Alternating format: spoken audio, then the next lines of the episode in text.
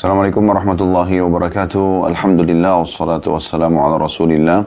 Segala puji dan puja kehadirat Allah Subhanahu wa taala juga salawat dan taslim kepada Nabi besar Muhammad sallallahu alaihi wa ala alihi wa sahbihi wasallam.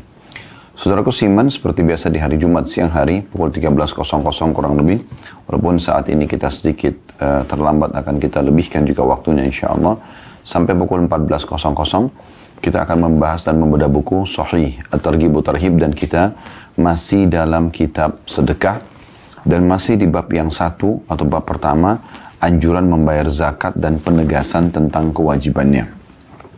Dan kita sudah menyelesaikan enam buah hadis dalam bab ini dan insya Allah pada siang ini kita akan masuk ke hadis ketujuh. Dan langsung saya saya bacakan hadis ini Hasan di ghairihi dan urutan 743 dari awal belajar yang berbunyi dari Jabir radhiyallahu anhu dia berkata qala rajul ya Rasulullah ara'aita in adda ar-rajulu zakata malihi فقال رسول الله صلى الله عليه وسلم من أدى زكاة ماله فقد ذهب عنه شره Seorang laki-laki bertanya, Ya Rasulullah, bagaimana menurut anda jika seseorang telah membayar zakat hartanya. Maka kata Nabi atau kata Rasulullah sallallahu alaihi wasallam, barang siapa membayar zakat hartanya, maka keburukannya telah lenyap darinya.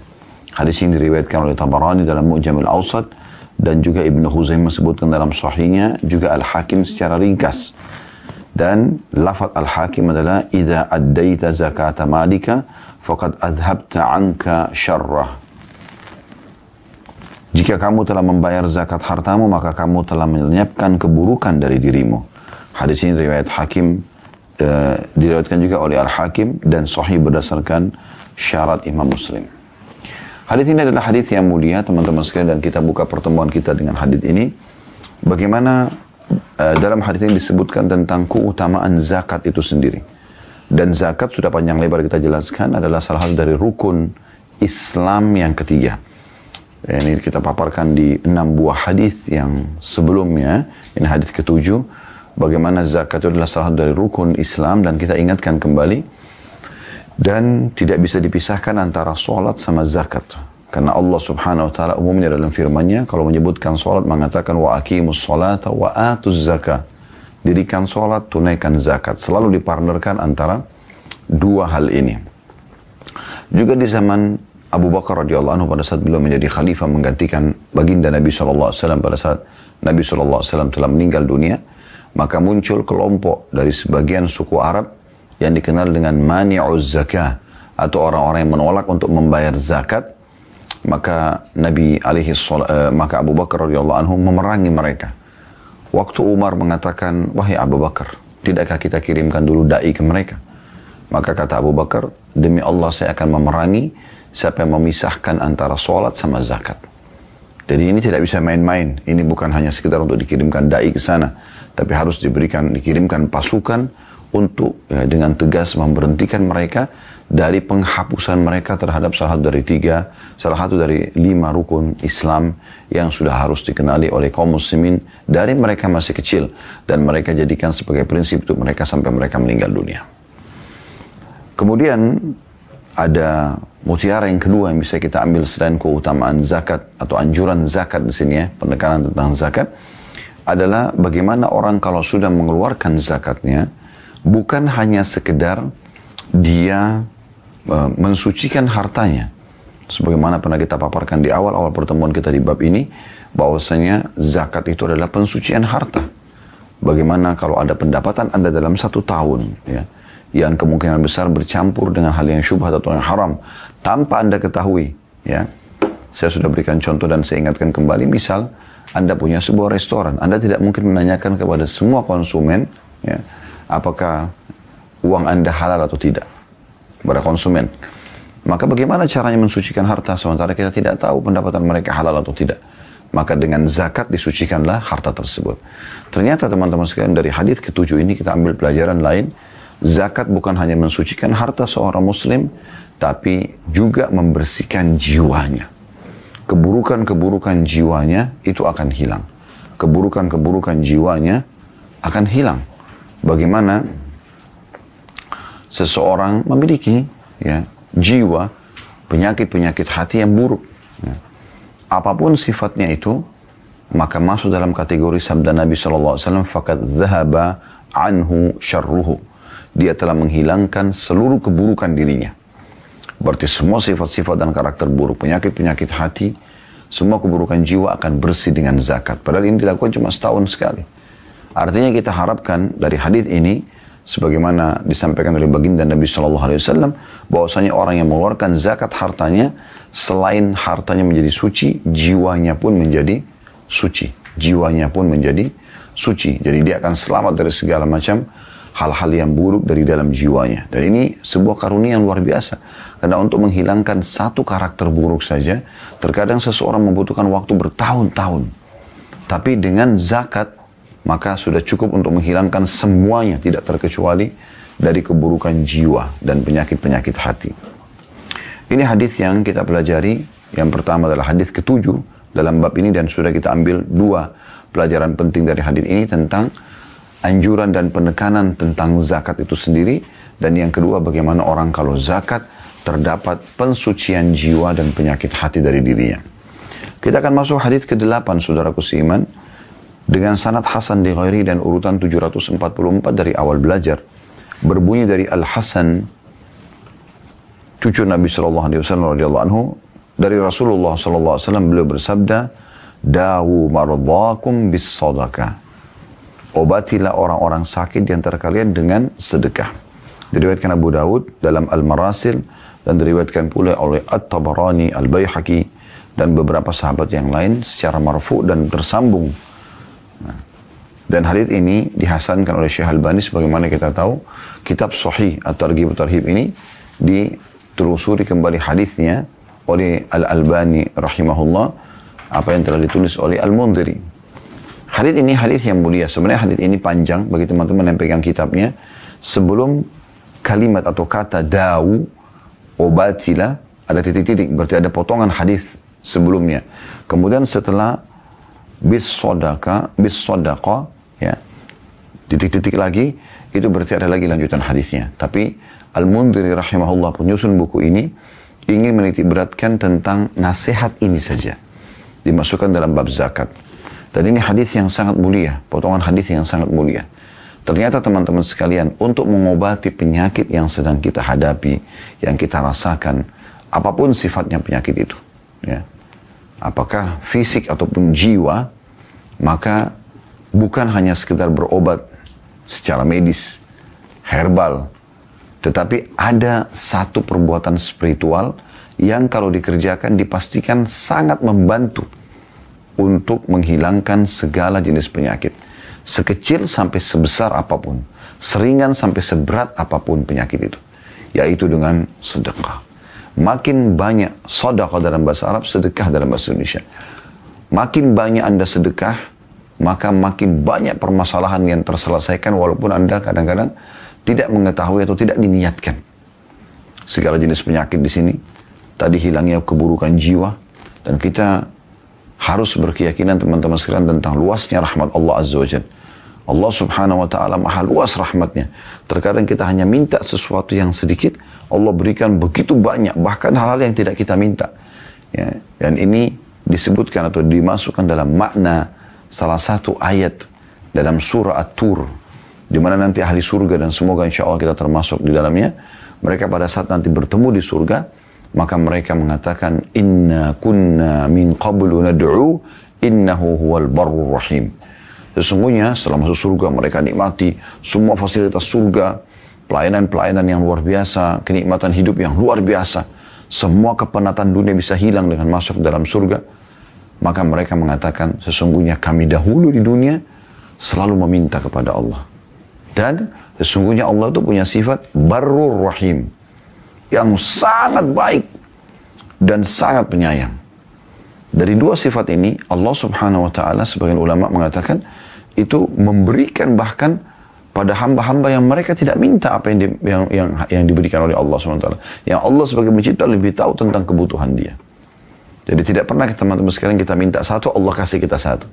Tapi kalau kita minta satu, Allah berikan kita mungkin sepuluh bahkan dua puluh asal kita tulus dalam berdoa kepada Allah Subhanahu wa taala. Dan ingat selalu sabda Nabi sallallahu alaihi wasallam, "Ud'u rabbakum mukinuna bil ijabah." Ya, selalulah berdoa pada Tuhan kalian dengan penuh keyakinan akan diterima oleh Allah. Fa inna Allah la yakbalu min qalbin ghafil. Allah tidak akan menerima dari hati yang lalai. Jadi ini satu resep yang luar biasa yang seharusnya setiap dokter muslim fokus menyampaikan masalah ini. Selain dia coba ya untuk diagnosa penyakit pasiennya dan dia coba menuliskan resep obat sesuai yang dia ketahui, maka dia juga mewasiatkan sebelum pasiennya pulang, coba bersedekah. Coba bersedekah. Ya. Ada seseorang pernah datang kepada Imam Hasan Basri rahimahullah, di mana lututnya luka bernanah sudah tujuh tahun dan tidak pernah bisa sembuh.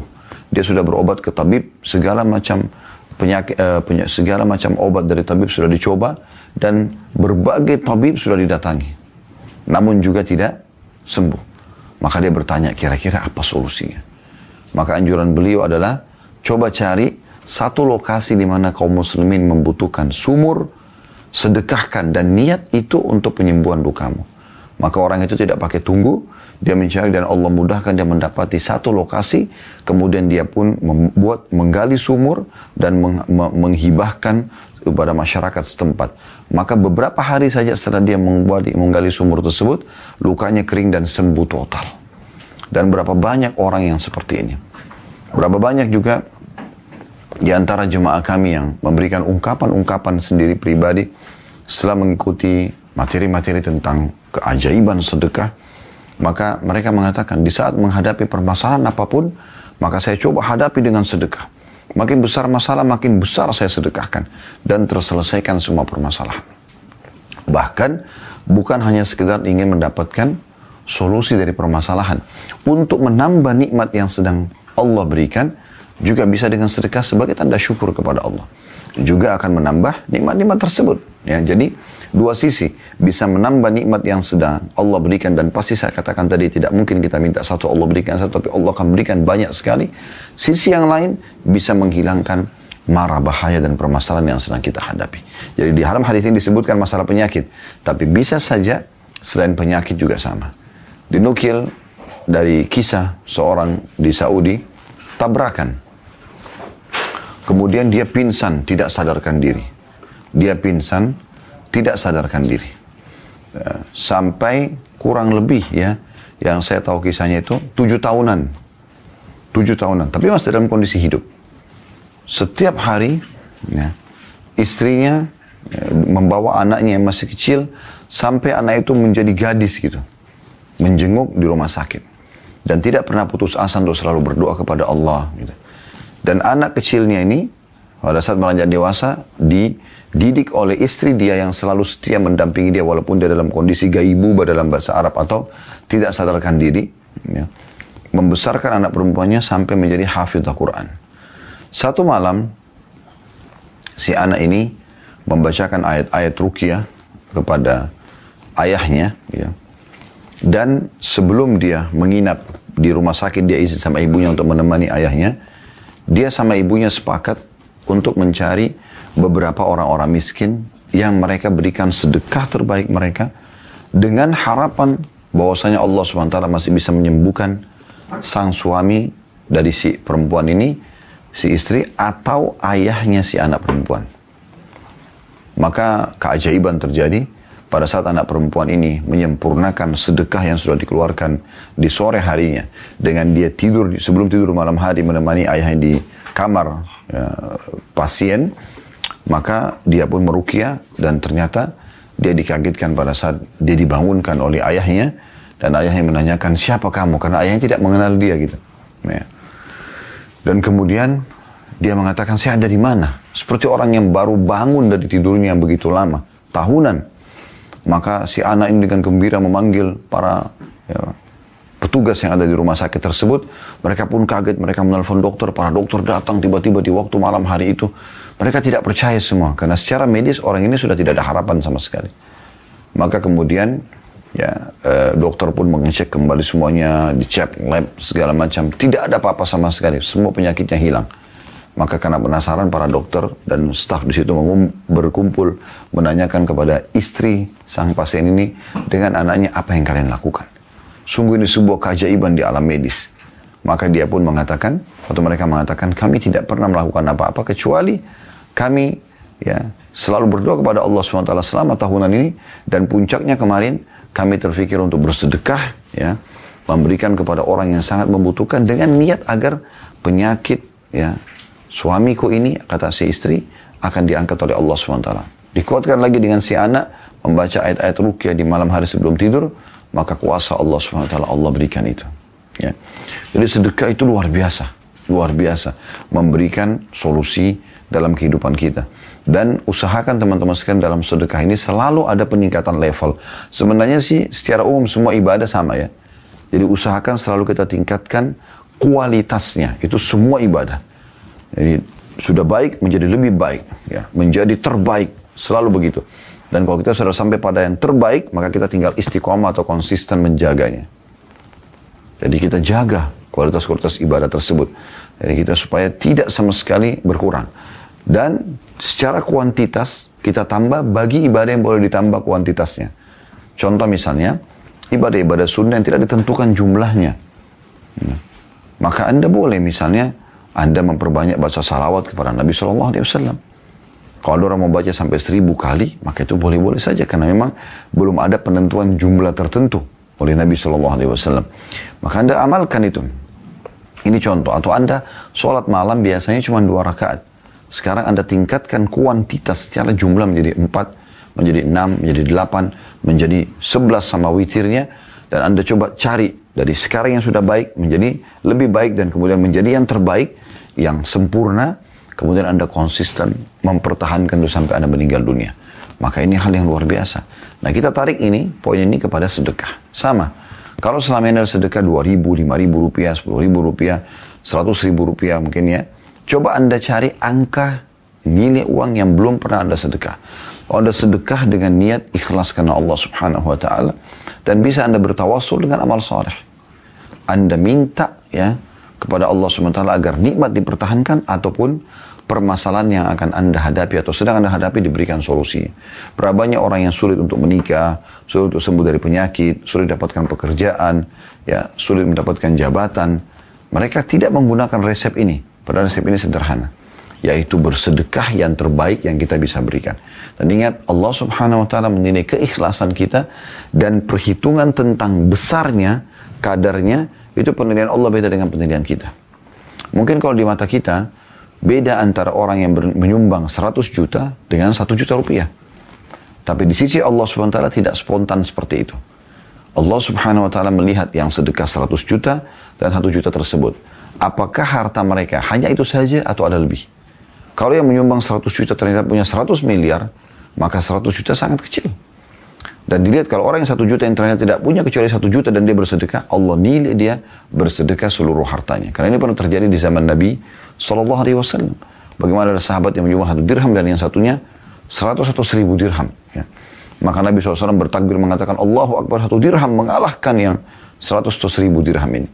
Maka kata para sahabat ya Rasulullah, bagaimana kami memahami ini? Sementara jelas satu dengan seratus atau seribu gitu bedanya. Ya. Maaf ini saya ragu riwayatnya seratus atau seribu, tapi satu dirham dengan seratus atau seribu di sini. Ya. Maka Nabi SAW mengatakan yang satu dirham tidak punya kecuali itu. Sementara yang seratus dirham dia punya lebih banyak daripada itu. Maka Allah menilai di sini yang satu dirham bersedekah dengan seluruh hartanya. Jadi Anda tidak perlu menjadi kaya raya baru Anda sedekah yang terbaik. Tapi coba berikan yang terbaik karena Allah SWT maka Allah akan memberikan juga yang terbaik dari penambahan nikmat atau mengangkat bara bahaya yang akan menimpa kita atau sedang kita lalui. Selanjutnya hadis nomor 9 sahih mauquf. Mauquf sudah sering kita sebutkan sampai ke sahabat saja. Namun ini sanadnya sahih. Urutan 745 dari awal kita belajar berbunyi dan diriwayatkan juga oleh selainnya, maksudnya selain Ibnu Umar radhiyallahu anhu yang ada dalam Dhaif At-Targhib ya, maksudnya kitabnya Syekh Albani yang lain secara mauquf kepada Ibnu Umar radhiyallahu dan itulah yang sahih. Aku berkata lafadznya adalah kullu malin addaita zakatahu wa in kana tahta sab'i aradin falaysa bikanzin wa kullu malin la tuaddi zakatuhu fahuwa kanzun wa in kana zahiran ala wajhil ard. Semua harta yang kamu bayarkan zakatnya, walaupun ia di bawah lapis bumi yang ketujuh, maka ia bukanlah harta yang ditimbun.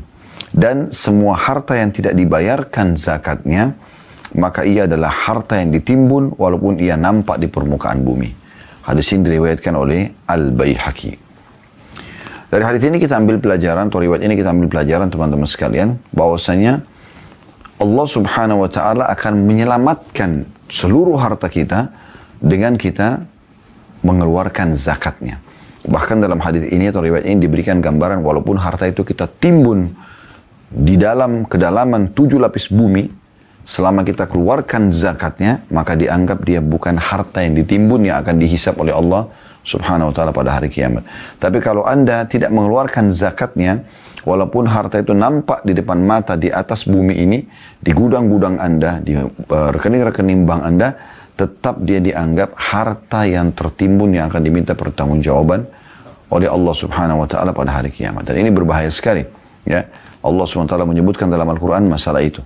أعوذ بالله من الشيطان والذين يكنزون الذهب والذين يكنزون الذهب والفضة ولا ينفقون في سبيل الله فبشرهم بعذاب أليم maka orang-orang yang tidak menunaikan hak hartanya ya e, mereka menimbun harta tersebut maka beritahukan kepada mereka berita gembira ten, e, berita tentang siksaan yang sangat pedih yauma yuhma 'alaiha fi nari jahannam.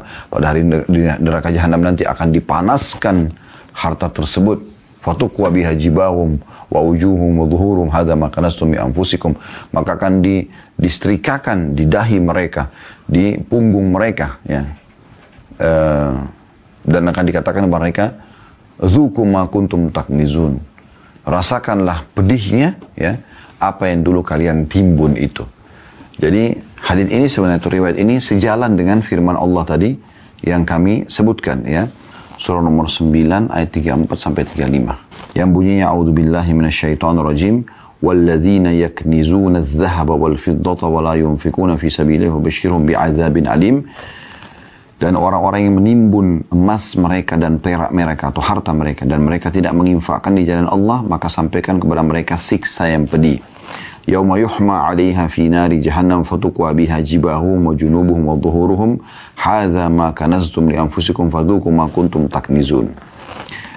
Maka pada hari itu akan dipanaskan ya harta-harta tersebut di neraka jahanam maka akan disterikakan ke ya, dahi-dahi mereka ya ke punggung-punggung mereka ya ke lambung-lambung mereka ke punggung-punggung mereka dan akan dikatakan kepada mereka rasakanlah apa yang kalian timbun itu untuk diri mereka atau untuk diri kalian dan rasakan uh, uh, maaf rasakanlah apa yang kalian timbun untuk diri kalian maka rasakan siksa ini ya. Atau kurang lebih dari ini harta bendamu yang kamu simpan untuk dirimu sendiri maka rasakanlah akibat dari apa yang kamu simpan itu. Apa yang kamu simpan itu. Dan dalam sebuah riwayat diriwayatkan oleh Al-Hakim menguatkan masalah ini bahwasanya ada seorang sahabat uh, Ummu Salamah istri Nabi SAW. Ia pernah bertanya kepada Nabi SAW mengatakan fasa'altu an dzalika Nabi SAW faqalat akanzunhu? Faqala idza addaita zakatahu falaysa bikanz. Ya. Ummu Salamah pernah menanyakan tentang masalah harta, berbagai macam perhiasan emas yang dikenakan gitu. Jadi beliau pakai gelang, pakai cincin, ataupun umumnya wanita biasa pakai ini ya. Maka kata Ummu Salamah, apakah ini harta yang ditimbun? Masuk dalam firman Allah SWT tadi. Maka kata Nabi SAW, bukan selama engkau menunaikan zakatnya. Jadi memang di sini permasalahan adalah masalah zakat di sini, ya. Dan dari sini juga keluar tadi ya apa yang disampaikan oleh Ibnu Umar radhiyallahu anhu ya. Kullu ma addaita zakata wa in kana tahta sab'a aradin falaysa bikanzin. Wa kullu ma la tuaddi zakatu fahuwa kanzun wa in kana zahiran ala wajhil ard. Setiap harta yang ditunaikan zakatnya walaupun disimpan di bumi lapis ketujuh bukanlah disebut menimbun harta dan yang tak yang tidak ditunaikan zakatnya maka akan disebut menimbun walaupun ada di permukaan Jadi ini peringatan-peringatan yang sangat luar biasa. Dan juga dalam riwayat lain diingatkan dari jalur Jabir bin Abdullah radhiyallahu anhu dia mengatakan kata Nabi SAW idza akhrajta sadaqa min malika faqad adhabta anhu syarruhu wa laysa bikanz. Apabila engkau menunaikan zakat hartamu berarti engkau telah menghilangkan keburukan harta itu dan bukan dinilai menyimpan harta yang dilarang. Menyimpan harta yang dilarang ya jadi ini makna daripada hadis ke-9 dan kita akan masuk hadis ke-10 teman-teman sekalian dengan sanad sahih di ghairihi urutan 746 dari awal kita belajar. Yang berbunyi dari Samura radhiyallahu anhu dia berkata Rasulullah sallallahu alaihi wasallam bersabda aqimus shalah wa atuz zakah wa hajju wa'tamiru wastaqimu yustaqam bikum Sebelum saya baca terjemahnya, ini resep untuk semua urusan kita dimudahkan. Saya ulangi lagi, hadis ini adalah resep untuk semua urusan kita tidak terkecuali kecil ataupun besar, ya sulit ataupun mudah, Allah SWT berkahi dan Allah mudahkan. Terjemahannya adalah dirikanlah sholat, selalu jaga, terutama sholat wajib lima waktu, jaga ya uh, kualitasnya.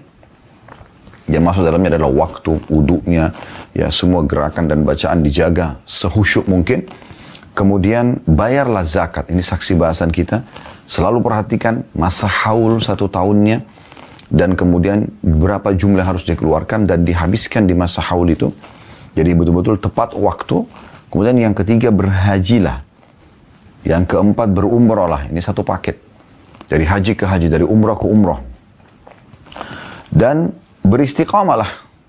Mengerjakan semua perintah, meninggalkan larangan niscaya urusan kalian akan diluruskan atau dimudahkan. Jadi amalan-amalan ini disebutkan oleh Nabi Shallallahu Alaihi Wasallam akan yustaqam bikum, akan memudahkan semua urusan kalian, tidak terkecuali. Hadis ini diriwayatkan Tabarani dalam ketiga mu'jamnya, ya, yang kecil, yang sedang dan juga yang besar, dengan sanad jayid atau bisa diterima, ya. Dan Imam Al-Qahtan mengatakan bahwasanya semua rawinya atau perawinya jujur, bisa dipercaya itu terpercaya dan bisa diterima. Hadis ini dinilai sahih di ghairihi oleh Syekh Albani artinya menjadi sahih karena dikuatkan dengan riwayat-riwayat yang lain. Kita akan coba rincikan teman-teman beberapa amalan ini yaitu empat amalan yang ditekankan sekali oleh Nabi SAW agar ya bisa ya, kita mendapatkan kemudahan dalam segala urusan kita mendirikan sholat. Artinya jaga semuanya sebagaimana saya katakan tadi mulai dari udu, tepat waktunya, semua gerakan dan bacaannya dengan konsentrasi. Ya. Kita perhatikan setiap tiba waktu sholat tidak ada aktivitas yang lain. Kemudian menunaikan zakat, ini saksi bahasan kita. Saya ingatkan kembali ada haul masa satu tahun, ada tentukan sendiri, ada nisab kadar minimal 85 gram emas. Jadi misalnya Ramadan ke Ramadan, saya ulangi lagi, sering saya sampaikan ini, kalau seandainya Anda belum niat haul, niatkan Ramadan tahun lalu awal haul saya, maka Ramadan nanti ini di bulan April sudah tiba masa haul Anda. Kemudian Anda nilai semua harta investasi Anda dan tabungan Anda dinilai apakah mencapai 85 gram emas.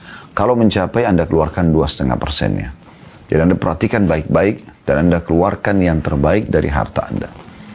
Kemudian yang ketiga adalah haji. Walaupun haji wajibnya sekali seumur hidup, tapi boleh orang mengulangi haji berulang-ulang. Ya, karena Nabi SAW menyebutkan sebagaimana juga umroh ya, haji sifatnya wajib sekali seumur hidup. Yang kedua, yang ketiga, yang selanjutnya itu adalah sunnah. Umroh selamanya sunnah. Ya, dua-dua ini kata Nabi SAW, selalulah rutinkan antara haji dan umroh. Ya, selalu dari haji ke umroh, umroh ke haji lagi, selalu. Karena keduanya akan menghilangkan kemiskinan dan kesusahan hidup ya. Sebagaimana api menghilangkan karat dari besi.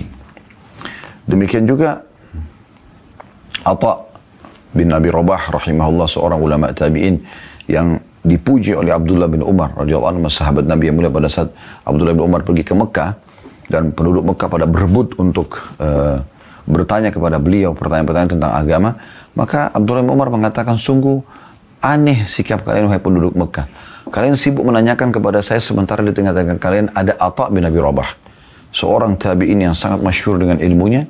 Dan uh, Abdullah bin Umar rekomendasikan agar bertanya agama ke dia saja sudah cukup. Tidak perlu harus ke saya gitu. Atta ini rahimahullah haji 70 kali. Haji 70 kali. Artinya Allah berikan dia umur panjang 100 tahun umurnya. Nah, 70 kali 70 tahun dia haji setiap tahunnya. Dan para ulama salah menjadikan haji itu ajang untuk bertemu satu sama yang lain di sana. Selain mencas keimanan, juga mereka melanjutkan atau menjalin hubungan ukhuwah ya yang bisa terjadi jauh lebih baik lagi karena bertemu di arena ibadah. Nah, kemudian setelah mengingatkan empat hal ini menjaga sholat, tunaikan zakat, haji dan umrah, maka kata Nabi SAW, wastaqimu. Kemas itu semua dengan istiqamah atau konsisten dalam menjaganya. Jadi tidak cukup Anda mengatakan, dulu saya suka sekali jaga sholat tepat waktu. Itu dulu. Sekarang bagaimana? Buku lembaran amal kita setiap hari, setiap hari ada. Dulu saya pernah menghitung zakat saya. Itu dulu. Atau Anda berbangga dengan amalan orang tua Anda. Ayah saya, ibu saya nggak pernah tinggalin sholat, tak pernah tinggalin zakat. Tapi Anda sendiri bagaimana? Begitu juga dengan haji dan umrah, gitu kan? Nanti aja, nanti aja selalu ditunda-tunda. Padahal sebenarnya kesempatan emas di depan mata ada. Kenapa Anda tidak lakukan ini? Setiap perjalanan mulai dari Anda injakkan kaki Anda dari depan rumah Anda dengan niat umrah ataupun haji maka sudah dicatat pahala sampai Anda kembali lagi. Detik-detik yang sangat mahal sekali dan bernilai di sisi Allah Subhanahu wa taala. Apalagi Anda perlu tahu bahwasanya kalau ada orang yang meninggal dalam kondisi dia berihram, maka mirip seperti orang mati syahid ya. Mereka dikubur dengan kain ihram mereka itu. Dan Nabi SAW mengatakan mereka akan dibangkitkan dalam kondisi bertalbiyah. Ya, ini sebuah kemuliaan tersendiri bagi mereka. Kemudian selanjutnya hadis ke-11 dengan sanad sahih urutan 747 dari awal belajar berbunyi dari Abu Ayyub radhiyallahu anhu anna rajulan qala lin Nabi sallallahu alaihi wasallam akhbirni bi amalin yudkhiluni al-jannah qala ta'budu Allah la tusyriku bihi syai'a wa tuqimu as-salata wa tu'ti wa tu'ti az-zakah wa tasilu rahim bahwasanya ada seorang laki-laki bertanya kepada Rasulullah wasallam sambil mengatakan kabarkan atau beritakan kepadaku satu amalan yang membuatku masuk ke dalam surga maksudnya amalan yang mudah aku amalkan Ya, bukan satu amalan berarti cuma satu, tapi amalan yang kira-kira aku bisa berpegang teguh padanya. Kata Nabi SAW, ibadahlah kepada Allah dan tidak menyekutukannya dengan sesuatu apa pun. Lalu dirikanlah sholat, bayarlah zakat, dan jalinlah hubungan silaturahim. Hadis ini diriwayatkan oleh Bukhari dan Muslim. Hadis ini teman-teman sekalian memberikan pelajaran kepada kita, jadi tidak jauh dari bahasan kita masalah zakat, bagaimana ada seorang sahabat bertanya tentang surga. Ini penting sekali. Jadi jangan hanya selalu bertanya tentang kebutuhan kita di dunia saja. Tapi coba tanyakan bagaimana supaya saya bisa masuk surga. Bagaimana supaya saya selamat dari api neraka. Itu yang kita tanyakan kepada para ulama kita. Karena bisa saja dari pertanyaan ini mereka memberikan kita sebuah kesimpulan yang mungkin kita tidak pernah berpikir sebelumnya. Contoh kasus sahabat ini dengan sangat cerdas yang menanyakan kepada Nabi SAW, Ya Rasulullah sampaikan kepadaku suatu amalan yang membuatku masuk ke dalam surga. Artinya sampaikan kepada aku, aku amalan-amalan. Walaupun sini terjemahnya suatu amalan saya katakan tadi bukan satu amal. Tapi ada amalan yang bisa dirangkumkan dalam satu kesimpulan. Kalau aku kerjakan aku sudah dapat jaminan surga. Dan ini pelajaran pertama dari hadis bagaimana kecerdasan sahabat ini bertanya tentang apa yang bisa membawa dia masuk ke dalam surga dan setiap muslim dianjurkan untuk selalu bertanya poin-poin seperti ini. Kemudian yang kedua adalah jawaban Nabi SAW terhadap sahabat ini bagaimana caranya agar bisa masuk ke dalam surga. Maka disebutkanlah lima hal dalam hadis ini atau empat hal tepatnya menyembah Allah tidak menyekutukannya dengan sesuatu apa pun mengikuti semua perintah Allah Subhanahu wa taala meninggalkan larangannya tanpa syirik, tanpa menyekutukan Allah dengan sesuatu apa pun. Kemudian yang kedua, mendirikan sholat. Yang ketiga, saksi bahasan kita membayar zakat. Dan yang terakhir, menjalin hubungan silaturahim. Keempat hal ini kalau dilakukan, maka engkau akan mendapatkan jaminan surga. Tentu poin pertama tidak penting uh, apa uh, uh, penting sekali, mam, penting sekali untuk diketahui bagaimana beribadah kepada Allah tidak boleh syirik. Tidak boleh kita memperkenalkan Allah dengan makhluknya. Ingatlah Abu Jahal, Abu Lahab di Mekah itu tahu kalau Ka'bah itu adalah rumah Allah, tahu kalau ibadah haji adalah diperintahkan untuk Allah. Mereka bahkan menggunakan sebagian nama-nama Allah, gitu ya. E, termasuk pada saat mereka menulis surat pemboikotan, ya, untuk Nabi SAW di Ka'bah itu menyebutkan tentang masalah ada disebutkan situ bagian daripada potongan nama Allah. Ya. Bismillah dengan nama Allah. Tapi kesalahan mereka, mereka syirik. Mereka datangkan patung-patung yang mereka partnerkan dengan Allah. Sambil mereka sembeli untuk Allah, mereka juga sembeli untuk patung tersebut. Mereka berdoa kepada Allah, mereka berdoa juga melalui patung tersebut. Sementara Allah tidak butuh perantara apalagi benda mati. Jimat, patung. Dan selain daripada Allah SWT tidak boleh sama sekali kita partnerkan Allah. Cukuplah hadis Bukhari yang berbunyi, uh, Nabi SAW bersabda Allah berfirman, Ana agna syuraka ani syirk. Man asyraka ma'iyya ghairi taraktu wa syirku. Ya artinya, aku adalah orang yang paling berlepas diri dengan sekutu-sekutu. Allah tidak butuh dengan mereka. Siapa yang menyekutukanku dengan sesuatu apa pun, maka aku akan biarkan dia dengan sekutunya itu. Jadi Allah tidak butuh partner. Kita langsung berhubungan dengan Allah subhanahu wa ta'ala. Dan yang kedua mendirikan sholat, sudah kita jelaskan tadi. Menjaga wudhunya, ya, waktunya, kemudian gerakan dan bacaannya yang tepat. Jangan konsentrasi. Kemudian yang ketiga membayar zakat. Sudah kita jelaskan juga tadi ada haul satu tahun dan juga ada nisab minimal 85 gram emas lalu dikeluarkan 2,5 persen. Dan yang terakhir yang belum kita jelaskan adalah menjalin hubungan silaturahim. Artinya sejauh apa pun hubungan kekerabatan kita, maka tetap kita usahakan menjalin hubungan dengan mereka. Dan ini sering kami sampaikan teman-teman sekalian di Indonesia jarang sekali ada orang yang mau mengetahui tentang jalur nasabnya. Coba pelajari jalur nasab itu. Ya, siapa nama kakek kita, kakek kita menikah sama siapa saja, nenek kita menikah sama siapa saja, berapa saudara mereka, ayah daripada kakek atau kakek daripada kakek, ya, ayah daripada nenek atau uh, nenek dari atau nek kakek daripada nenek sendiri. Jadi minimal beberapa jalur ke atas, karena jangan sampai nanti anda sekantor atau partner bisnis atau bertetangga, ya, dengan kerabat anda sendiri dengan kerabat anda sendiri. Sebenarnya sebenarnya penting sekali kata Nabi SAW telusuri, telusuri jalur nasab kalian ke atas maka itu lebih memudahkan kalian untuk silaturahim. Kenapa ada sahabat membawa sekantong emas, eh, sekantong uang dirham dan dia mengatakan ya Rasulullah saya mau sedekah. Ada satu orang, ada dua orang targetnya. Yang satu punya hubungan kekerabatan, yang satu tidak ada hubungan kekerabatan. Kata Nabi SAW, kalau kau bantu yang punya hubungan kekerabatan denganmu, maka engkau akan mendapatkan dua pahala.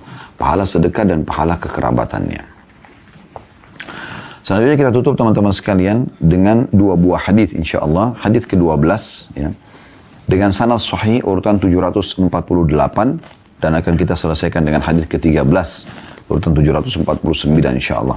Kita mulai dengan hadis ke-12 dengan sanad sahih yang berbunyi dari Abu Hurairah radhiyallahu anhu, "Anna Arabiyan atan Nabiy sallallahu alaihi wasallam faqala ya Rasulullah dulluni ala amalin idza amintu dakhaltul jannah."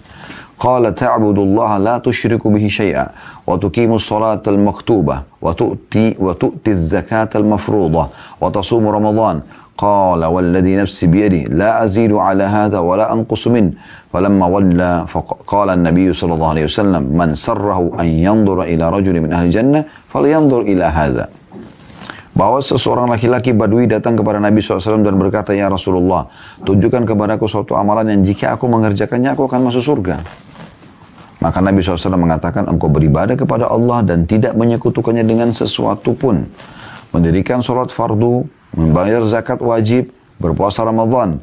Lalu dia berkata orang itu, demi zat yang jiwaku berada di tangannya, maksudnya demi Allah, aku tidak akan menambah dan tidak akan mengurangi daripadanya.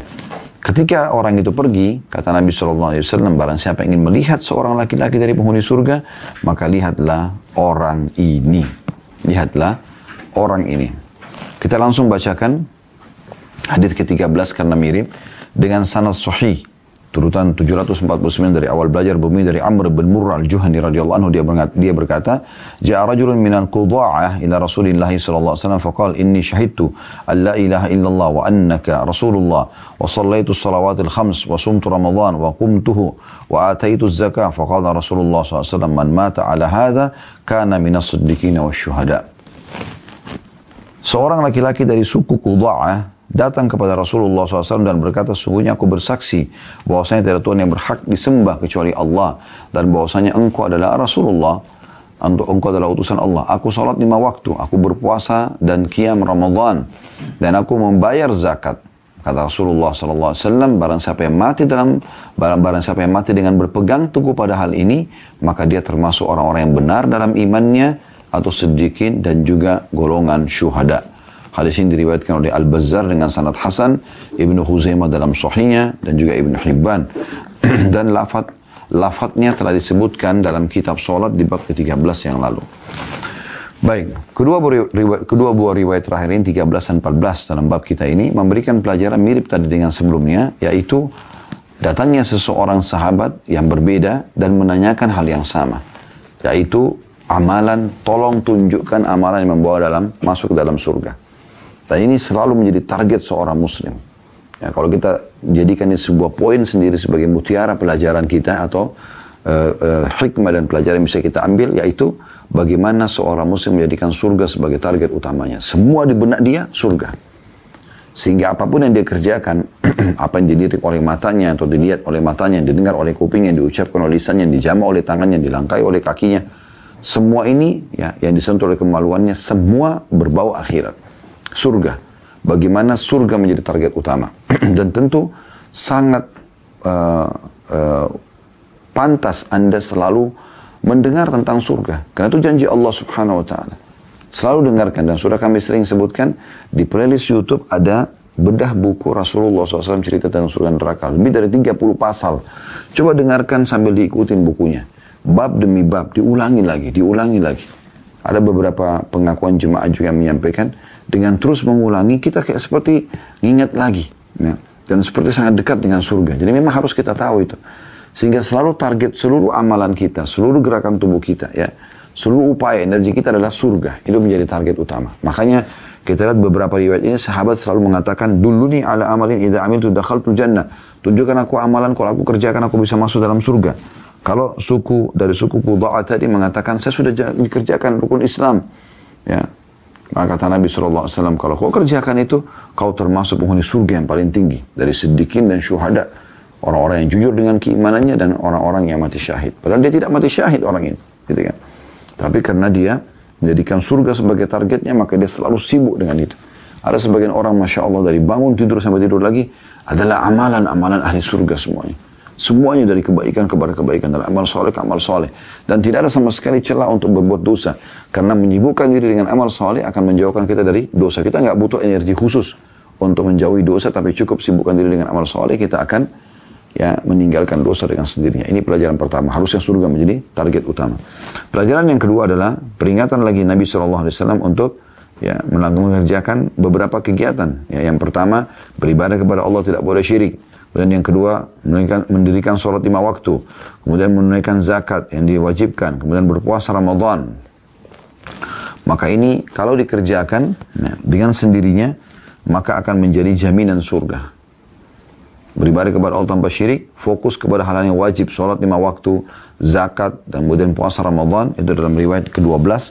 Riwayat ke-13-nya ditambahkan di sini tentang masalah ya, aku bersaksi bahwasanya anda tiada Tuhan yang berhak disembah kecuali dan anda adalah utusan Allah. Ditambah dengan syahadat. Berarti artinya rukun di lima rukun Islam maka akan mendapatkan jaminan surga.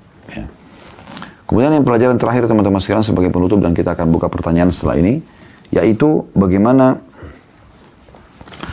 uh, Nabi SAW diberikan wewenang oleh Allah Subhanahu Wa Taala untuk menunjuk ahli surga.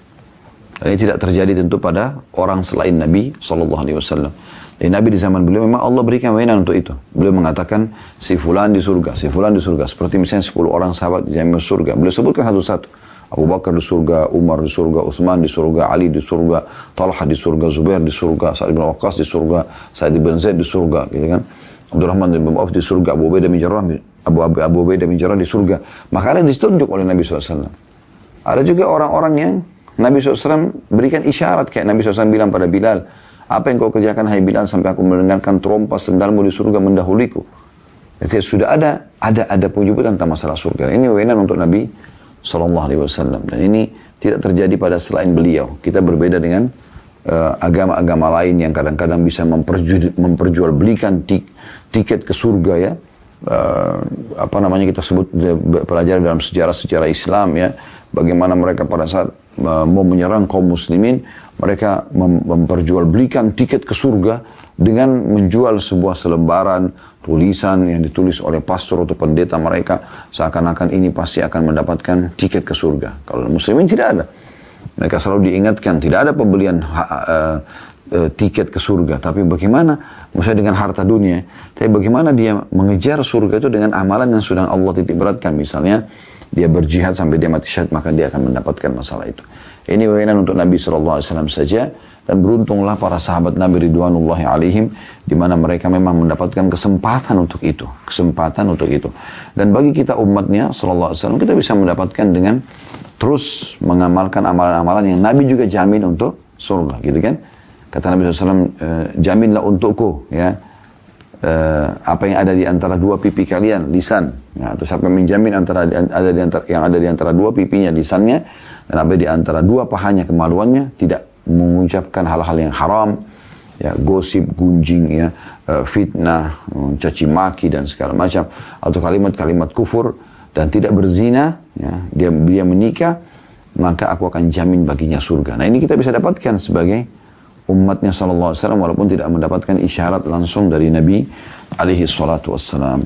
Hadis ke-14 saya lanjutkan sahih li ghairihi urutan 750 dari awal belajar dari Abdullah bin Muawiyah al-Ghadiri radhiyallahu anhu dia berkata Rasulullah SAW bersabda thalathun man fa'alahunna faqad ta'ima ta'mal iman man 'abada Allah wahdahu wa 'alima anna anna la ilaha illallah wa a'ta zakata malihi tayyibatan biha nafsuhu رافدة عليه كل عام ولم يؤت الهرمة ولا الدرنة ولا المريضة ولا الشرة اللائمة ولكن من وسط أموالكم فإن الله لم يسألكم خيره ولم يأمركم بشره Artinya ada tiga perkara, barang siapa yang mengamalkannya maka dia telah merasakan iman. Maksudnya kenikmatan iman dalam hati. Ialah orang yang hanya beribadah kepada Allah. tidak pernah riak, semua hanya untuk Allah. Mengetahui bahwa tidak Tuhan yang berhak disembah kecuali Allah.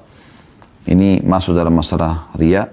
Kemudian membayar zakat hartanya dengan jiwa yang rela dan hati yang ikhlas setiap tahunnya. Dia tidak membayar dalam kurung zakat binatang ternak dengan yang tua, yang kudisan, yang sakit, dan tidak pula dengan yang buruk lagi tidak mengeluarkan air susu. Akan tetapi dengan pertengahan harta kalian. Karena Allah tidak meminta harta terbaik kalian dan tidak mem, tidak memerintahkan kalian agar membayar dengan yang terburuk. Hadis diriwayatkan oleh Abu Daud. Hadis ini teman-teman sekalian, Nabi SAW menggambarkan dan kita langsung masuk ke pelajaran pertama bahwasanya iman itu punya kelezatan, punya kenikmatan. Makna ta'ima ta'mal iman, maksudnya merasakan kenikmatan iman itu. Bagaimana bisa anda rasakan kenikmatan iman?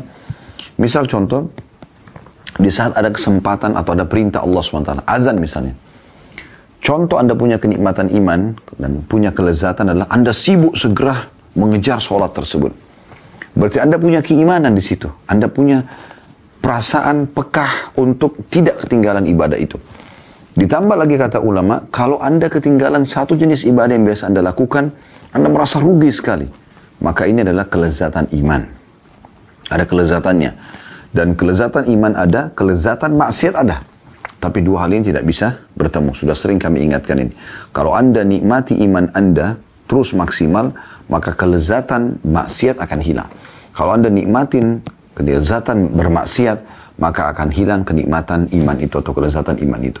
Saya pernah kasih contoh, kalau orang komitmen menjaga sholat lima waktu, tepat waktu di masjid misalnya, dan dia kejar keutamaannya, dia terus kerjakan itu, maka kelezatan iman di masalah sholat itu akan dirasakan. Nah, ini akan hilang kemaksiatannya, apa itu melalaikan sholat.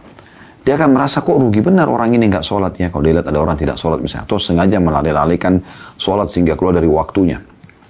Sebaliknya, kalau ada orang merasakan kelezatan dan kenikmatan maksiat itu, meninggalkan sholat adalah hal yang menggembirakan buat dia, tidak ada bebannya, maka kenikmatan ibadahnya, kenikmatan imannya sholat itu hilang. Dia akan heran, kenapa orang ini selalu jaga sholatnya? Begitu juga dan contoh lain adalah orang yang menutup auratnya. Misalnya tutup aurat, misalnya seorang wanita jaga tutup auratnya dengan benar, dia rasakan kelezatan iman di situ. Karena dia merasa kayak berat kalau nggak nutup auratnya dan merasa kalau sempat terlihat sedikit saja anggota tubuhnya yang merupakan aurat dia merasa kayak satu kesalahan besar yang dia lakukan ini kenikmatan iman maka kalau ini ada dan anda nikmatin ini anda kejar keutamaan keutamaan yang Allah janjikan di di, di jilbab itu ditutup aurat dan anda menghindari apa yang Allah ancamkan, maka akan hilang kemaksiatannya, yaitu membuka aurat. Ya. Sebaliknya, kalau orang menikmati membuka aurat itu, dia menjadikan sebagai hal yang biasa bagi dia, maka kenikmatan dan kelezatan iman dalam ibadah hilang. Dan begitu seterusnya. Begitu seterusnya. Orang kalau meninggalkan pernikahan lalu dia berzina gitu kan. Orang meninggalkan terakhir jual beli dan pendapatan halal kepada riba dan penipuan, maka ini akan tidak akan bertemu satu sama yang lain. Maka fokuslah kepada apa yang bisa mendatangkan kenikmatan iman. Ini yang pertama. Jadi iman itu punya kenikmatan. Pelajaran yang kedua, bagaimana Nabi SAW menyebutkan tiga perkara di sini yang merupakan puncak daripada eh, kenikmatan iman itu. Yang pertama adalah abadallah wahda. Siapa menyembah Allah satu saja. Jadi artinya Anda kalau masih bergantung kepada selain Allah, maka Anda tidak akan rasakan kenikmatan iman. Gitu kan? Jadi apa pun teman-teman, Anda diberikan kelebihan harta, kalau orang tanya, ini punya kamu ya? Ini titipan Allah. Selalu Allah. Dia tidak pernah mau merasa diri dia. Gitu kan? Jadi ini betul apa adanya. Karena memang kalau dia meninggal, dia tidak akan bawa apa-apa. Semua titipan Allah subhanahu wa ta'ala. Allah mengatakan dalam Al-Quran, Lillahi mirathus samawati wal ard. Allah lah pemilik pewaris daripada semua yang ada di langit dan bumi. Kita cuma sementara pakai sebagai fasilitas saja, gitu kan? Jadi jangan selalu mengatakan aku, saya, selalu merasa bangga dengan dirinya. Itulah yang membuat Qarun Allah hancurkan dari kaum Nabi Musa karena merasa harta yang dimiliki, kecerdasan dalam mengelola harta tersebut dan memperbanyaknya adalah ilmu dia murni. Maka Allah binasakan dia. Kemudian yang kedua, wa'alima annahu la wa'alima anna la ilaha illallah dan dia mempelajari dan meyakini tidak ada Tuhan yang berhak disembah kecuali Allah. Tadi menyembah Allah satu saja. Ini yang kedua, adalah mempelajari. Alim itu artinya mempelajari atau menanamkan dalam diri dia bahwasanya tidak Tuhan yang berhak disembah kecuali Allah. Sehingga semua Tuhan selain Allah ditolak sama dia. Diistilahkan kalimat ringkasnya atau kata ringkasnya oleh para ulama tagut. Allah juga banyak menggunakan kalimat tagut, ya. Artinya semua sesembahan selain Allah Subhanahu wa taala. Dan yang ketiga adalah mengeluarkan zakat hartanya ya itu dengan kerelaan dirinya keleraan dirinya ya maka ini insya Allah masuk dalam merasakan kenikmatan iman. Berarti kalau kita ingin merasakan kenikmatan iman fokus menghitung harta kita keluarkan zakatnya karena kita sendiri menginginkannya. Kemudian Nabi Nabi SAW pesan di sini dilakukan itu setiap tahun uh, zakat malnya. Dan pada saat dia mengeluarkan zakat hewan ternak hewan ternak ada zakatnya. Maka dia menghindari harima ya harima artinya tua sekali. Ya sehingga sudah tidak bisa lagi dagingnya sudah keras atau banyak penyakitnya ya. Walad darina dan darina artinya kudisan punya penyakit kulit walal marida dan tidak juga sakit walal syaratal laimah dan juga tidak pula yang buruk ya lagi tidak tidak mengeluarkan susu tapi kata Nabi SAW walakin min wasati amwalikum tapi ambil dari tengah-tengahnya tidak juga yang bagus sekali, tidak juga yang buruk. Sedang-sedang. Karena Allah, ya, kata beliau, fa inna Allah lam yas'alukum khairah. Allah tidak pernah meminta kalian selalu mengeluarkan yang terbaik saja. Ya, maksudnya hanya itu saja terus. Tidak, anda boleh imbangi antara yang sedang sampai ke yang terbaik. Walam ya'murkum bisyarri. Dan Allah tidak pernah memerintahkan kalian mengeluarkan yang buruknya dari harta tersebut. Hadis selanjutnya hadis ke-15 dengan sanad sahih urutan 751 dari awal belajar berbunyi dari Jarir bin Abdullah radhiyallahu anhu dia berkata bayatu Rasulullah sallallahu alaihi wasallam ala iqamis ala iqamis salati wa ita'iz zakati wa nus wa nushi likulli muslim aku berbaiat kepada Rasulullah SAW untuk mendirikan sholat, membayar zakat, dan memberi nasihat kepada setiap muslim. Hadis ini riwayat Bukhari Muslim.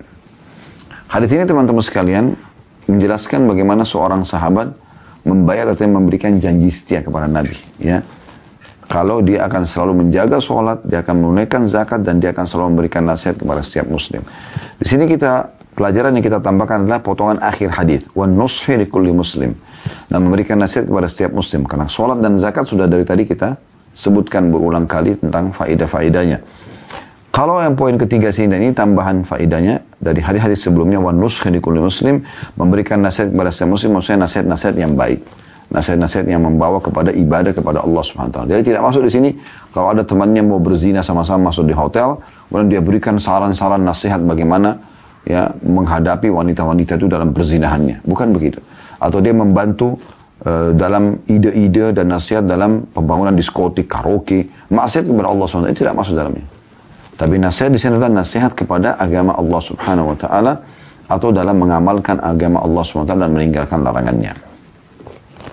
Hadis ke-16 dengan sanad Hasan urutan 750 dari awal belajar berbunyi dari Abu Hurairah radhiyallahu anhu bahwa Rasulullah SAW bersabda, "Idza addaita az-zakah faqad qadaita ma 'alaik wa man jama'a malan haraman thumma tasaddaqa bihi lam yakun lahu fihi ajr wa kana isruhu 'alaihi."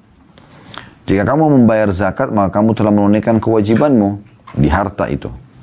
Barang siapa yang mengumpulkan harta yang haram, kemudian bersedekah dengannya, maka dia tidak mendapatkan pahala darinya dan dia memikul dosanya. Hadis riwayat Ibnu Khuzaimah dan Ibnu Hibban dalam sahihnya dan juga Al-Hakim menyebutkan sanatnya sahih. Dari hadis ini, teman-teman sekalian, ya, kita bisa mengambil pelajaran penting ya tentang masalah wasiat Nabi SAW. Siapa yang mengeluarkan zakat di hartanya, maka dia telah menyelesaikan kewajibannya. Jadi dia fokus di situ kewajiban. Sedekah yang dia keluarkan tambahan. Tapi zakat adalah kewajiban.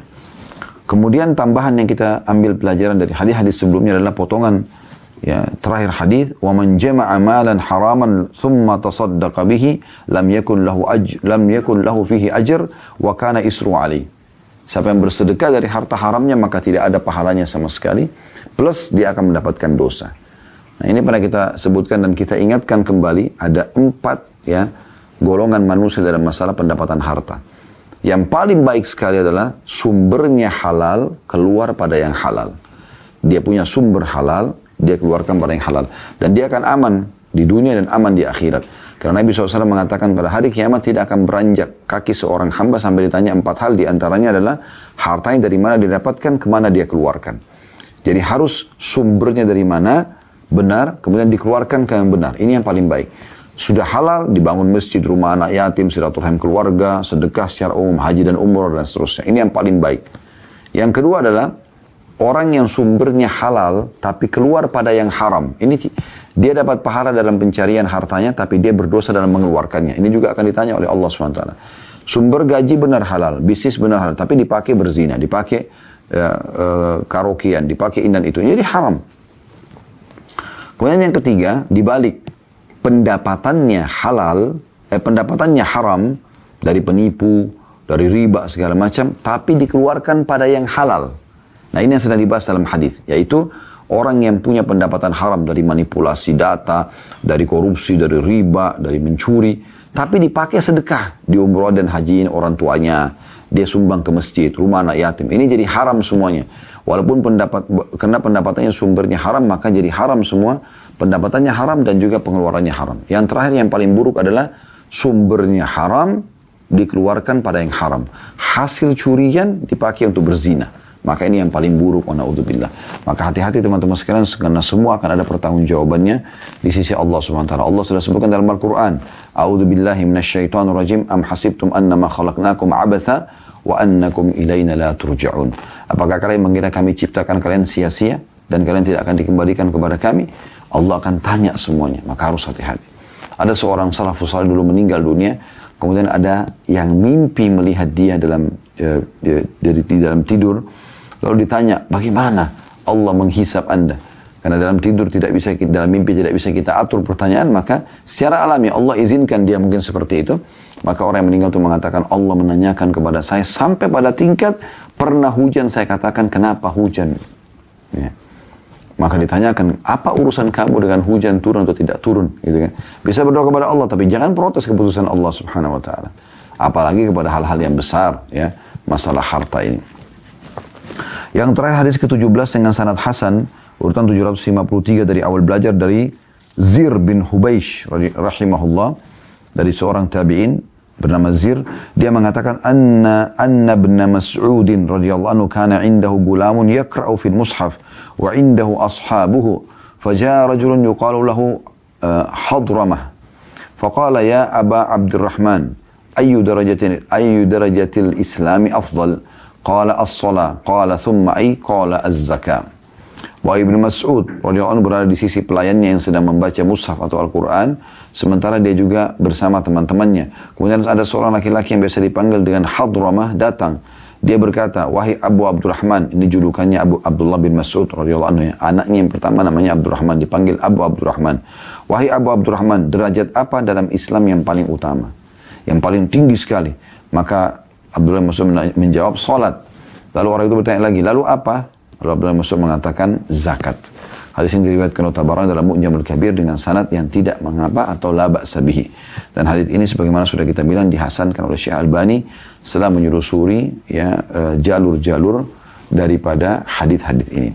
Dari riwayat ini kita ambil pelajaran bagaimana kedudukan zakat datang langsung setelah sholat dan dia tentunya memiliki kedudukan yang sangat tinggi dalam Islam.